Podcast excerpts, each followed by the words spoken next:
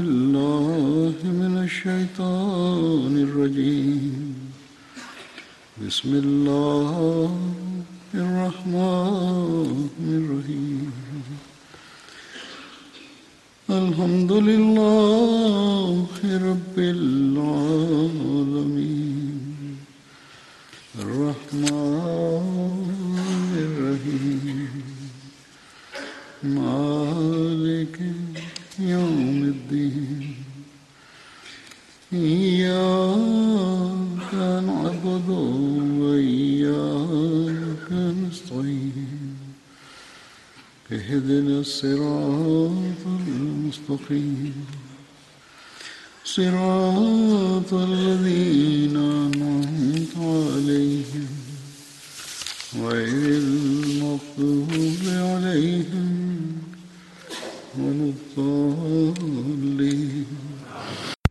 Azur kaže danas ću da govorim o ashabima i nastavljam ovu temu koju, o kojoj već govorim duže vremena to jeste o ashabima koji su učestvovali u bici na Bedru.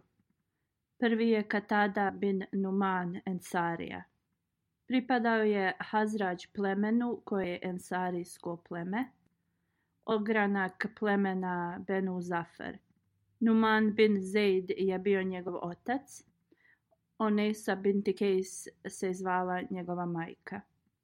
Njegova titula je bila Abu Umar Abu Amar i Abu Abdullah, dva tri ova. Hazreti Said Kudri je bio polubrat njegov. On je učestvovao sa 70 ashaba na, prvoj, na prvom bejt i akba. Alama ibn Isak prenosi da on nije bio sa ensarijama prisutan tad, Hazretika tada je bio postavljeni strijelac eh, časnog poslanika sallallahu alejhi ve sellem i on je učestvovao u bici na Bedru, Uhudu, Hendeku i svim ostalim bitkama uz časnog poslanika sallallahu alejhi ve sellem. Na dan Uhuda strijela ga je pogodila u njegovo oko. Znači njegovo oko ispalo, i on je uh, e, posle došao kod e, časnog poslanika sallallahu alejhi ve sellem rekao je o Allahov poslanice ova strijela mi je izbila moje oko on je rekao ja mnogo volim svoju suprugu i bojim se ako me ona vidi ovakog da će onda se njoj uh, da, on, da će ona da promijeni mišljenje i da joj se neće više sviđati. On kaže da je tada časni poslanik sallallahu alejhi ve sellem uzeo njegovo oko i vratio ga unutra i kaže da se posle njegov i vid vratio i da je i u starim godinama to oko imalo bolji vid od ovoga koje nije bilo ranjeno. U drugom hadisu se prenosi da je časni poslanik sallallahu alejhi ve sellem stavio svoje pljuvačke na to oko i vratio ga unutra i da je to oko ozdravilo. Hazreti Katada e, prenosi da mu je časni poslanik sallallahu alejhi ve sellem dao strijelu i on kaže on bi bacao strijele sve dok e, ovaj luk od strijele se ne bi slomio.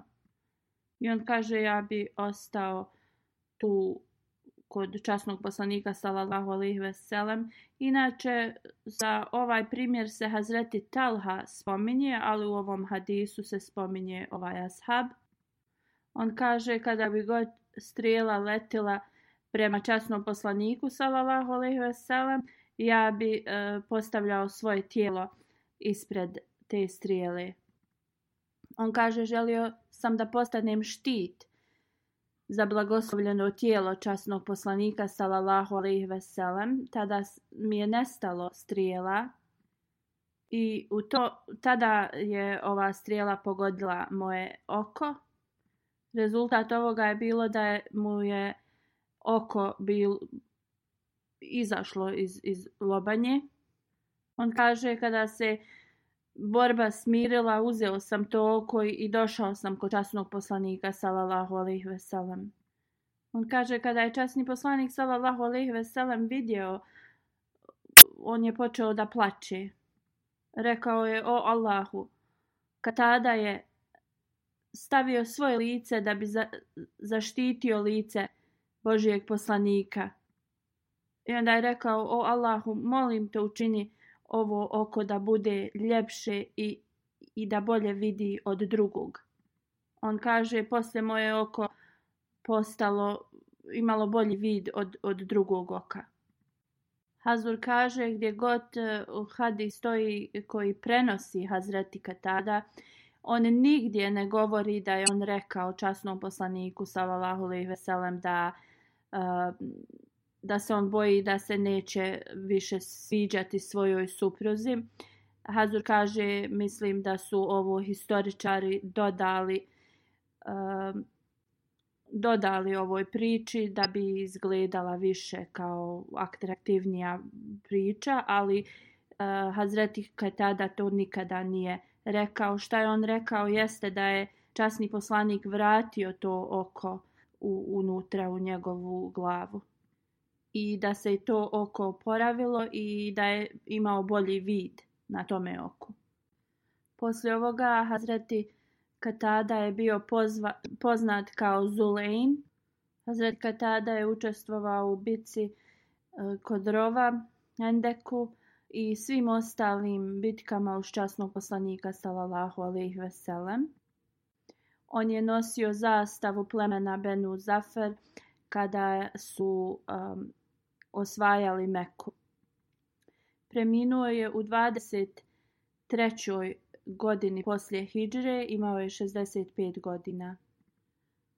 Njega su sahranili u Medini i njegov polubrat Abu Said Kudri i Hazreti Muslima i Hazreti Haris bin Kazima su ušli u mezar kada, njegov mezar kada su ga spustali. Uh, u drugom hadisu se prenosi da je Hazreti Omer radijallahu anhu također ušao u njegov mezar da ga spuste.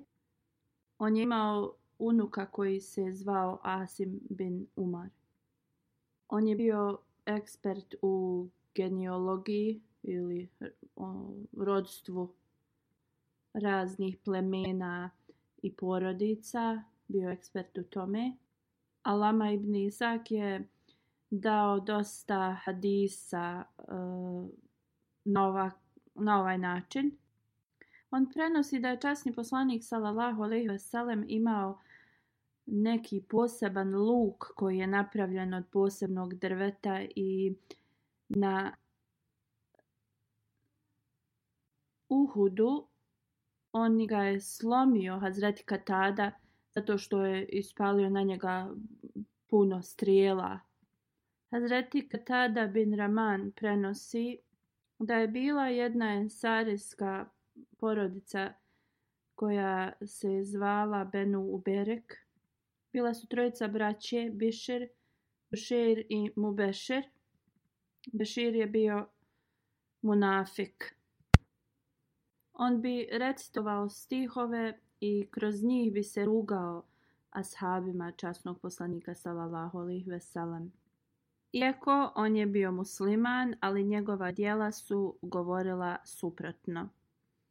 I kada bi ashabi časnog poslanika sallallahu alejhi ve sellem čuli ove stihove, on bi onda se kleo Bogom da, da su to stihovi koji govore neki drugi ljudi.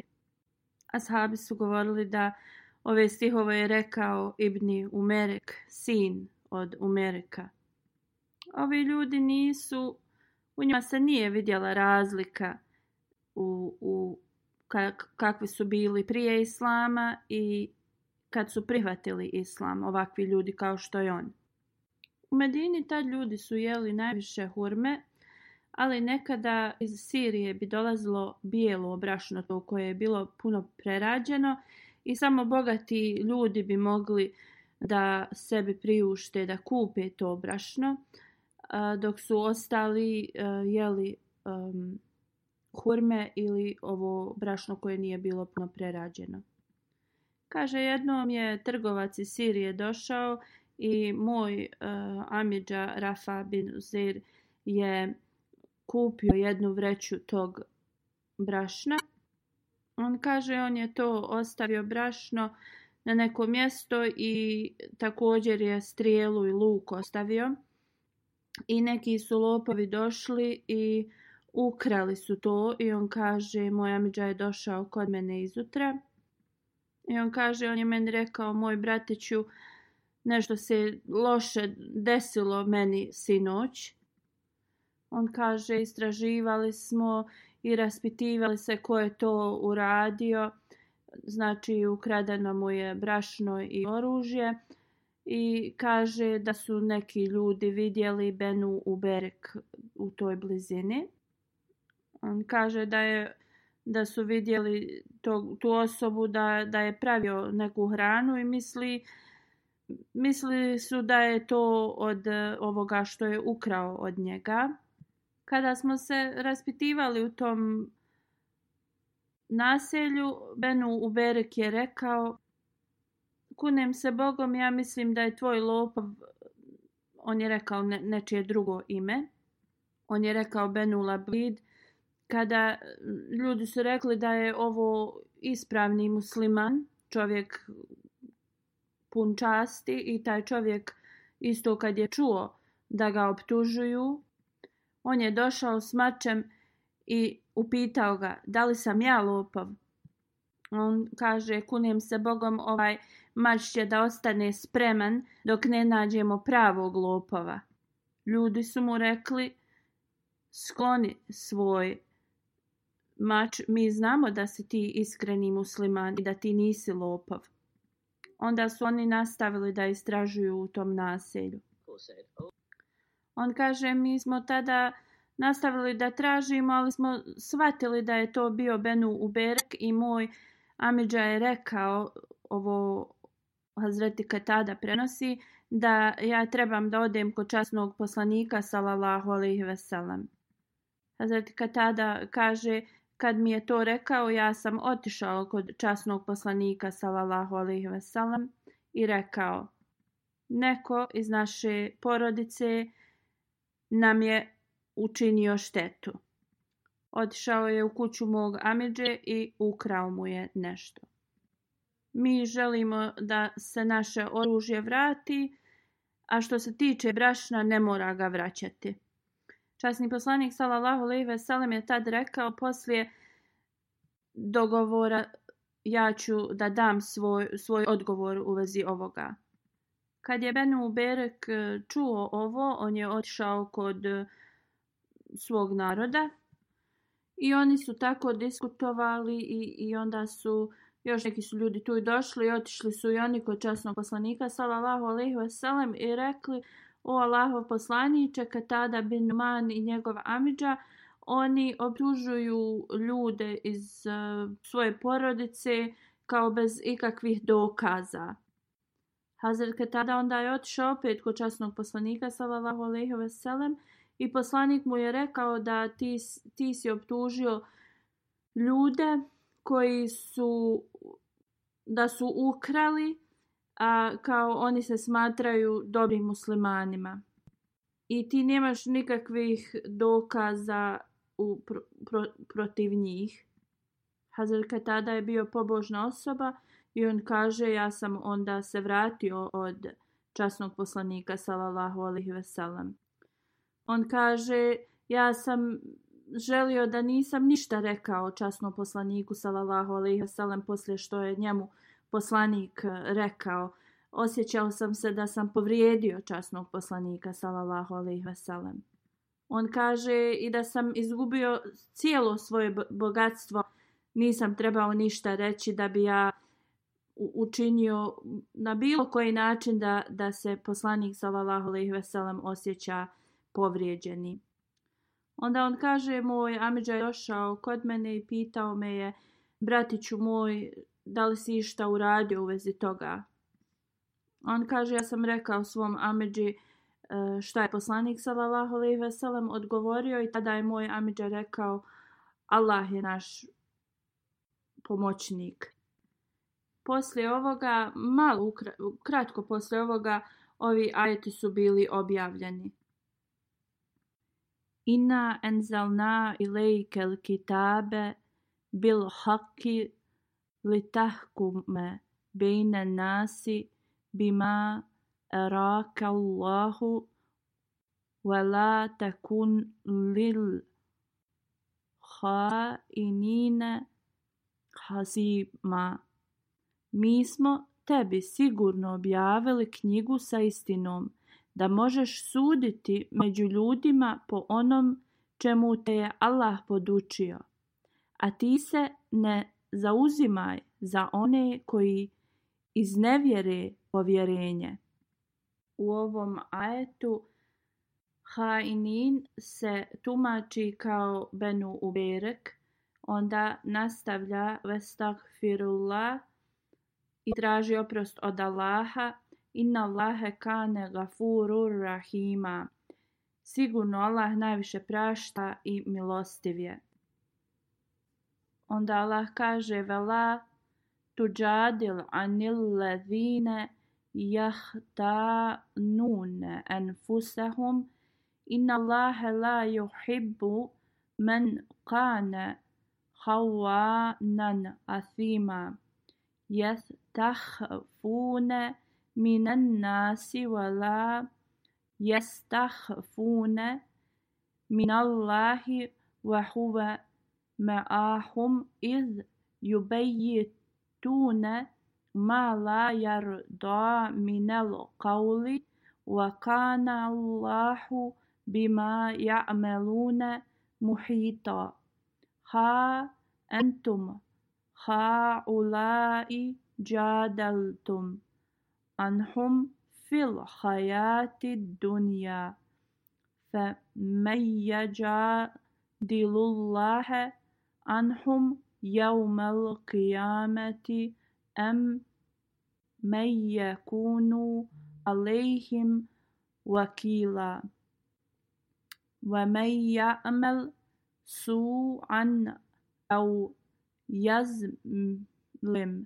نفسه summe yastagfirillaha yajidillaha gafurur rahima. Prijevod ovih ajeta i ne zauzimaj se za one koji su izdajnici svoje duše, sigurno Allah ne voli onog ko je strogi izdajnik griješnik. Oni se kriju od ljudi, ali se ne mogu sakriti od Allaha i on je s njima kad noću govore o stvarima koje on ne voli, a Allah opkoljava ono što oni rade. Vidi, vi ste oni koji su se zauzimali za njih u ovom životu, a ko će se zauzeti za njih kod Allaha na sudnjem danu ili ko će biti zastupnik njihov, ako god učini zlo ili nasilje svojoj duši i onda traži oprost od Allaha, naći će da Allah najviše prašta i milostiv je. Onda Allah kaže, veme jaksib isman fe innema jaksibuhu ala nefsih, وكان الله عليما حكيما ومن يكسب خطي خطيئة أو إثما ثم يرمي به بريئا فقد احتمل يختنو إثما مبينا Što znači ako god zarađuje grijehe, zarađuje ga samo protiv sebe, a Allah ima trajno znanje i mudarje. Ako god napravi grešku ili grijeh, pa onda zato lažno optuži nevinu osobu, zaista nosi teret za klevetu i očiti grijeh. On kaže ovo je ukazivalo na Benu Uberg koji je optužio e, Benu Labi da je on bio taj koji je ukrao. Onda Allah kaže Falev la فضل الله عليك ورحمته لحمت طائفة منهم أن يدلوك وما يدلون إلا أنفسهم وما يدرونك من شيء وأنزل الله عليك الكتاب والحكمة وعلمك ما لم تكن تعلم وكان فضل الله عليك عظيما لا خير في كثير من نجواهم إلا من أمر بصدقات أو معروف أو إسلام بين الناس ومن يفعل zalike btigae merdatillahi fasaufa nu'tihi ajran azima što znači a da nije bilo Allahove dobrotije prema tebi i njegove milosti grupa njih su htjeli da te zavedu zapravo oni ne zavode nikog osim sebe i oni tebi uopće ne mogu naškoditi. Allah je tebi objavio knjigu i mudrost i učinio te onom i učio te onom što ti nisi znao, a velika je Allahova blagodat prema tebi, nema nikakva dobra u mnogim njihovim tajnim savjetovanjima osim ako savjetuju Allah davanje sadake ili činjenje dobrih dijela ili pravljenje mira među ljudima. Ako god to čini, tražeći Allaho zadovoljstvo, mi ćemo mu uskoro dati nagradu veliku. Postoje mnogi ajeti iz časnog Kur'ana, ali samo ako pogledamo i razmotrimo ove ajete, oni govore protiv njih. Uzvišen je Allah i objavio ovo časnu poslaniku sallallahu alaihi veselem kao njegov blagodat prema poslaniku i posle je ovaj Benu Berek e, kada je čuo ove ajete svatio da govore o njemu i njegovom narodu. On je onda priznao svoju krivicu i vratio je to što je ukrao i onda je časni poslanik sallallahu alejhi ve sellem ovo vratio uh, Rafa koji je bio to su bile njegove stvari. Hazreti Katada govori da je njegov amidža bio stariji čovjek i prije nego što je primio islam uh, u džahilijetu uh, njegov vid je od, bio dosta oštećen. Hazreti Katada kaže kada je poslanik sallallahu alejhi ve sellem dao ovo oružje šta je bilo ukradeno on kaže prije sam smatrao da moj amidža da je njegov islam nije bio toliko jak ali kaže ja kad sam donio to on je rekao moj bratiću ti dani ovo kao u sadaku dobre u dobre svrhe to oružje da on to ne želi uh, I on kaže, tada sam shvatio da, da je njegova vjera vrlo jaka.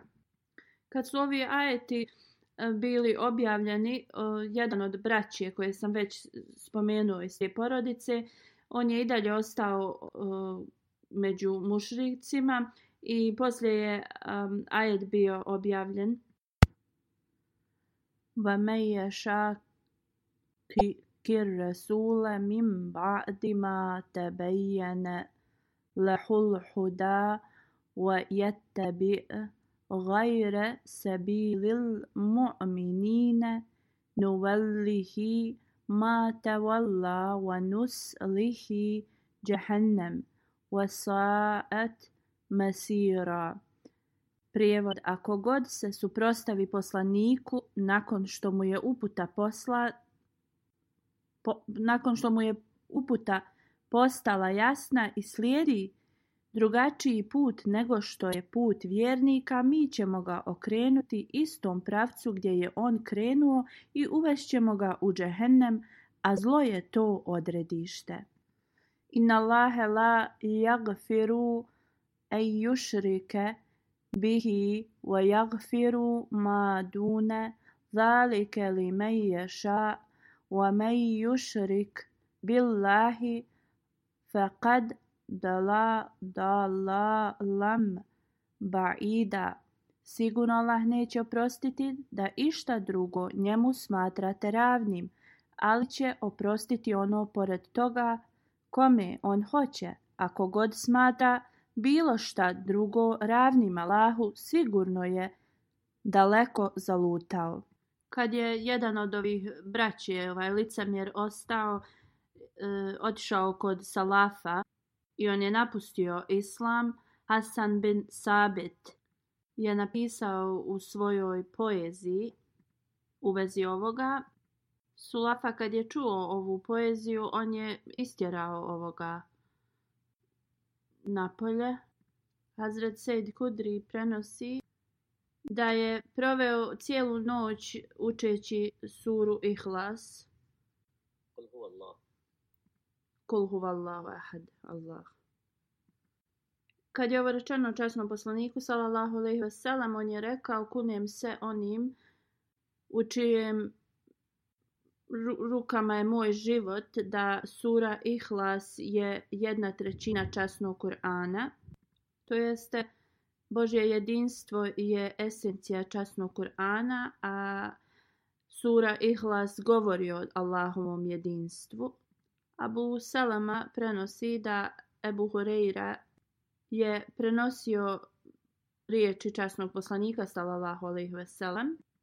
On kaže da im je rekao da je časni poslanik sallallahu alejhi ve sellem rekao da u toku petka, u toku džume, I postoji trenutak da ako musliman u tom trenutku zamoli se za nešto dobro uzvišenom Allahu, da će mu uzvišeni Allah to i da podari.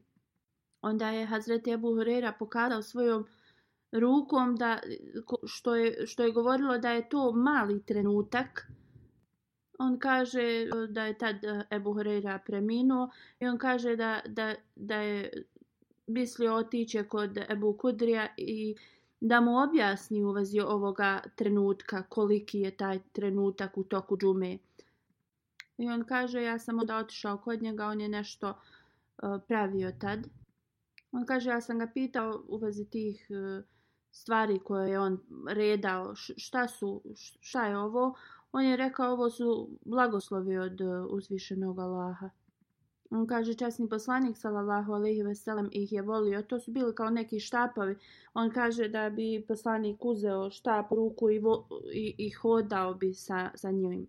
On kaže, mi bi e, redali i odnijeli bi časnom poslaniku, salallahu alaihi veselem.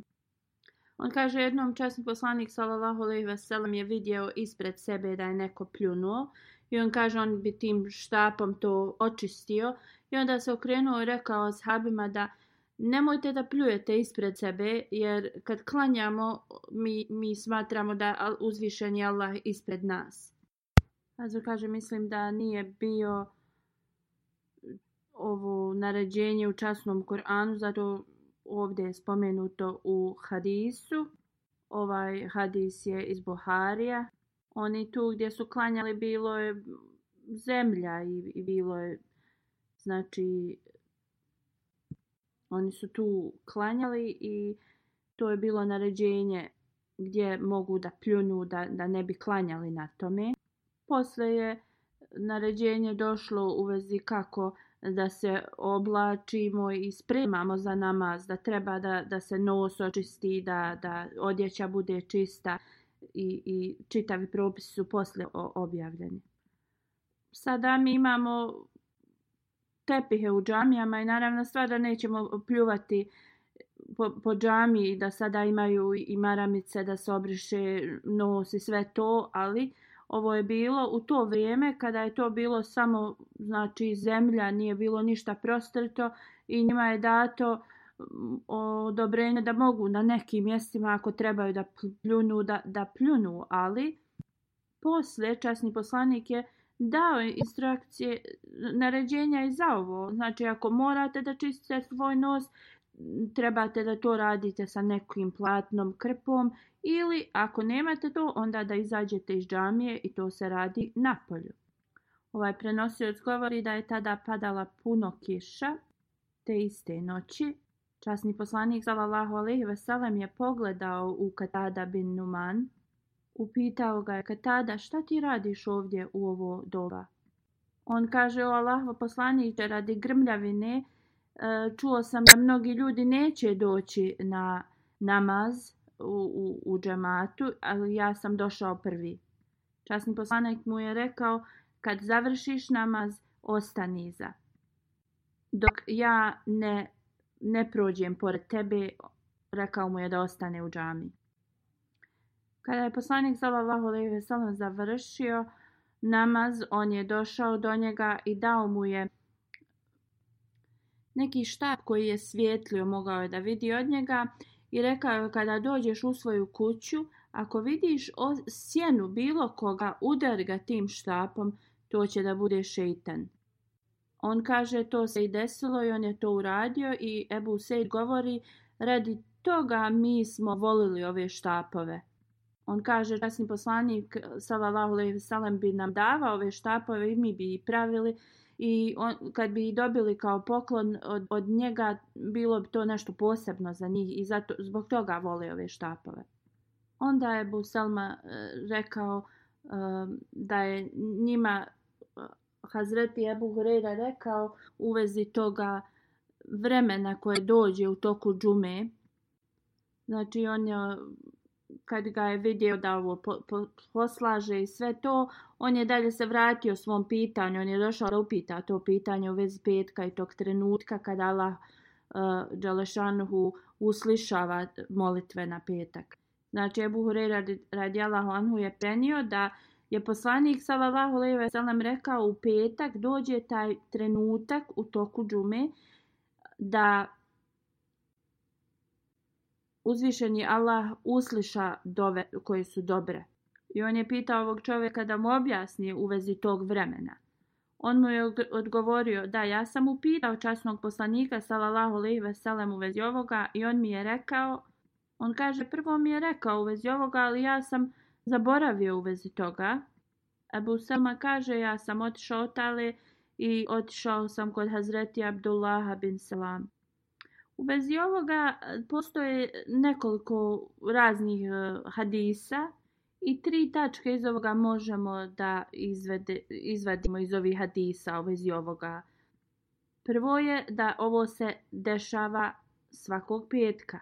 Drugo, da je u kasnijem trenutku, u, u, u kasnijem dijelu dana prema različitim hadisima. A treće da je ovo poslije ikindije. Sada ću da spomenem ove hadise ovdje. Hazreti Ebu Hureyra prenosi da je časni poslanik sallallahu alaihi veselam spomenuo petak da postoji vrijeme u toku petka ako muslima nađe taj trenutak i ako on stoji u svom namazu i što god upita u tom trenutku Allaha, njegova molitva će da se primi.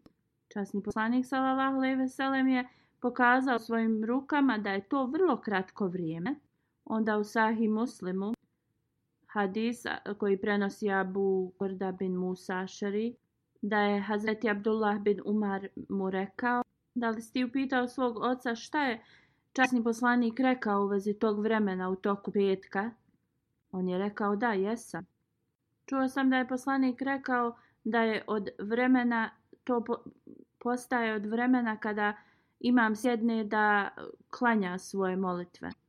Onda postoji još jedan hadis gdje Hazreti Abdullah bin Salam prenosi.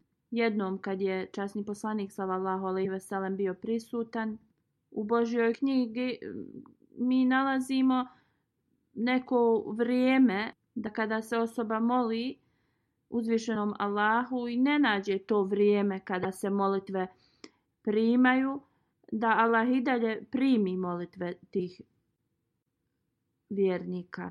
Hazret Abdullah govori da je i tada časni poslanik sallallahu alejhi ve sellem pokazao na mene i pokazao mi rukama da je to malo vrijeme I ja sam mu rekao da. Onda sam ga upitao koje je to vrijeme. Časni poslanik sallallahu alejhi ve sellem je rekao to je kasni dio dana kada prema kada počinje da mrak pada. Ja sam ga upitao zar to nije u toku namaza. Poslanik sallallahu alejhi ve sellem je rekao da zašto ne. Kada iskreni vjernik posle svog namaza sjedne i dalje nastavi da se moli, radi zikr. Kad to osoba nastavi, znači poslanik sallallahu alejhi ve sellem je rekao da u petak postoji trenutak, to neko kratko vrijeme, ako bilo koji musliman sjedne i traži od Allaha nešto dobro, Allah će zasigurno mu odgovoriti tu molitvu. To je vrijeme poslije ikindije. Ovdje se spominje petak, ali ovaj hadis je govori da je poslije kindje namaza. Drugi hadis govori kad je Abu Selma pitao u vezi ovog vremena da je časni poslanik sallallahu alejhi ve sellem rekao to vrijeme je kasnije vrijeme u toku dana. U vezi ovoga Hazreti Muslim Audi je uh, objasnio da petak i Ramazan imaju sličnost da je petak dan kada se molitve primaju, a također i mjesec Ramazan. U vezi petka, poslanik sallallahu alejhi ve sellem je rekao ako musliman dođe i prije imama i sjedi i, i počne da radi zikr, da spominje Allaha i onda posle kad imam dođe presluša hudbu i onda on klanja džumu, on dobija specijalne blagoslove od uzvišenog Allaha. Onda postoji jedno vrijeme u toku petka gdje šta god dobro ta osoba zamoli Allaha, Allah će to da usliša. Hazreti Abu Huraira radi Allahu Anhu prenosi da je časni poslanik sallallahu alaihi wasallam spomenuo dan mm, petak i, i džumu da musliman kada stoji u, moli, u molitvi da postoji sat vrijeme sat tako uh, kad, kad musliman stoji u molitvi zamoli uh, gospodara za nešto da će mala to ispuniti. I on je također pokazao svojom rukom da je to kratko vrijeme. Hazur kaže, ja sam ovo već spomenuo. Hazret Muslim Maud kaže da ovo moramo da e, rastumačimo da e, jedino molitve koje su dobre, da će Allah njih da odgovori. A neke loše stvari, ako mi molimo, to, to naravno stvar da se neće da ispuni one molitve koje idu sa sunnetom, e, te će biti e, odgovorene. Također one koje idu prema Božijem zakonu. Kako god iako je ovo ogromna blagoslovovo nešto nije jednostavno i lako postići. Petak džuma po, s, počinje od drugog ezana. Iako je ta hudba, na primjer, kratka, onda vidimo da je to vrlo e, kratko vrijeme Ako je, ako je hudba malo duža, onda možemo reći da je to otprilike jedan ili jedan i pol sat. U ovom jednom satu ili satu i pol, ako osoba zamoli Allaha za nešto dobro, onda to će biti odgovoreno i uslišano od Allaha. Kako god osoba ne zna da li je to prva, druga, treća ili bilo koja minuta u ovom periodu. I osoba koja će da dobije ove blagoslave jeste ta osoba koja u cijelom tom vremenu konstantno je fokusirana i moli se gospodaru. A ovo dobro znamo da je vrlo teško za ljude da, da ostanu cijelo vrijeme u, da se mole i, i, i, i da budu fokusirani na to.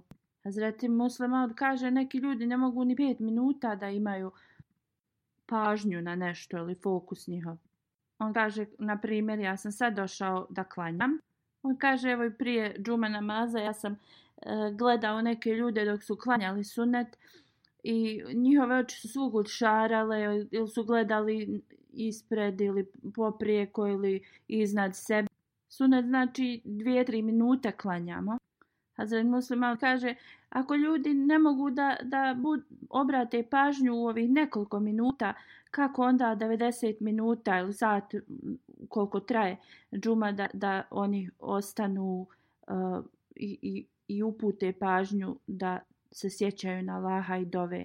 I kao što vidite, ovo nije nešto lahko. Hazur kaže, kao što vidimo, ovo uh, tra, traži od nas veliku pažnju i koncentraciju ovo nije nešto što je baš toliko lahko. Znači što mi trebamo jeste da imamo veliku koncentraciju i da nastavimo i budemo istrajni u našim molitvama i dobama zato što ne znamo kad je ta minuta vremena koju Allah daje da odgovara naše molitve. Kao što je Hazreti Muslima odrekao, ovo nije nešto što je baš i lahko da se uradi. Da bi dobili blagoslove, pune blagoslove džume, E, to od nas traži trud od nas i koncentraciju. Hazur kaže sljedeći asab kojeg ću da spomenem je Abdullah bin Mazum. On je bio iz Korejiš plemena ogranka Benu Džuma. Majka mu se zvala Sutela. Hazreti Usman bin Mazun, Hazreti Gama bin Mazun i Saib bin Mazun su bili njegova braća. Hazreti Abdullah bin Umar oni su bili e, rođaci zato što sestra od Hazreti Umara je bila, Hazreti Zeynep koja je bila udata za njega. Jazid bin Roman prenosi da je Hazreti Abdullah bin Mazun i Hazreti Hudama bin Mazun da su oni prihvatili islam prije nego što je poslanik sallallahu alejhi ve sellem došao u Dar el Hazreti Abdullah bin Azun i njegova trojica braće su se odselili u Abesiniju i u toku tog vremena kada su e, glasine se proširile da su Mekanlije primili islam, oni su se vratili u Meku.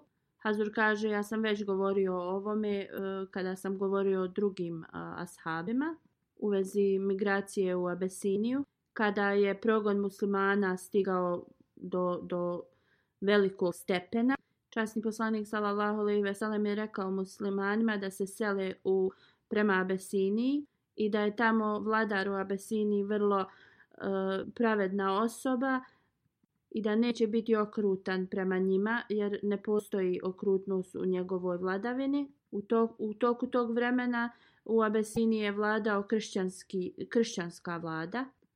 Vladar se zvao Nigos U svakom slučaju, u petoj godini kada je poslanik postao,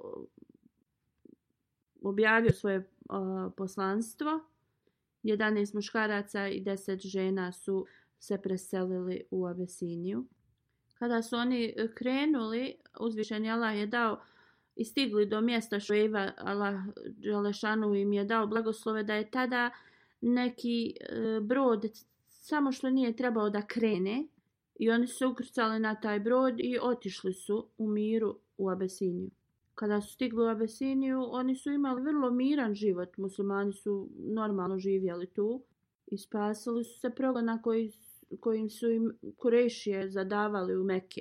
Ali, kao što su neki historičari to već spomenuli, Hazur kaže, ja sam to već dosta puta spominjao, poslije ovih lažnih glasina oni su se vratili u Meku Oni nisu dugo živjeli u Abesini kad su dobili te glasine da su se Kurešije prešli na islam i da je mir u Mekki da se mogu da vrate. Rezultat ovoga je bio da nisu razmišljali i odmah su se vratili. I oni kada su stigli blizu Mekke, shvatili su da je to samo bio lažni, lažne glasine. Ovo je samo bilo da ih namame da se vrate u Izabesinije. Neki su se vratili u Abesiniju dok su neki uh, u Meki tražili uh, zaštitu od, od nekih uh, ljudi, ali ni ta zaštita nije ostala dugo vremena jer se progon Kurešija povećao i, i, i nastavio. I muslimani nisu imali mira u Meki. Onda je časni poslanik sallallahu alejhi ve sellem opet naredio da oni trebaju da se odsele i onda su muslimani počeli da se e, pripremaju i, i, i prvom prilikom su se iseljavali iz Mekke. Oni su otišli u Abesiniju, ovaj put je bilo 18 e, žena, a o, ostalo su bili miš, muškarci, otprilike oko stotinu njih je odselilo. I ovo je bila druga migracija u Abesiniju. Što se tiče Abdullaha bin Mazuma, on je bio u, u toj drugoj grupi. On je bio i u drugoj grupi, znači dva put se vraća u Abesiniju ili je posle otišao u Medinu. Sahel bin Ubejd Ansarija, eh, kada je Abdullah otišao u Medinu, časni poslanik sallallahu alaihi ve sellem je uspostavio bratstvo sa ovim ashabom.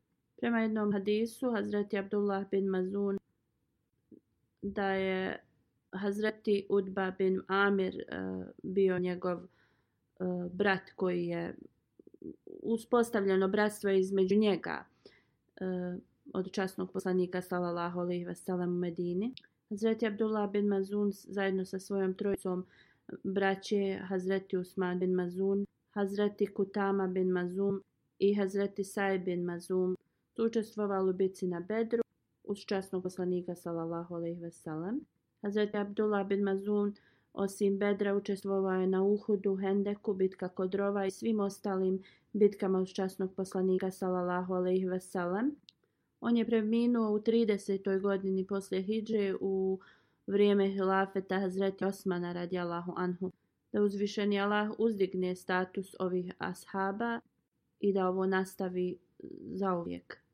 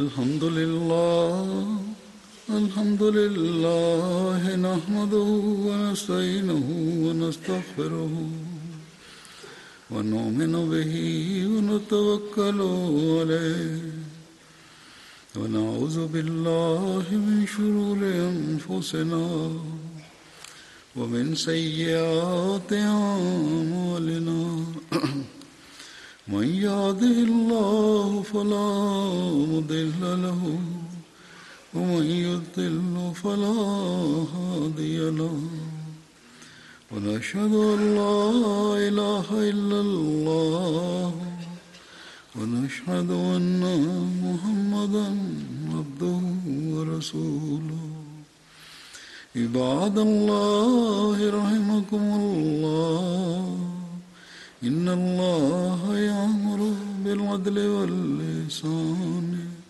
وإيتاء ذي القربى وينهى عن الفحشاء والمنكر والبغي يعظكم لعلكم تذكرون اذكروا الله يذكركم وادعوه يستجب لكم ولذكر الله أكبر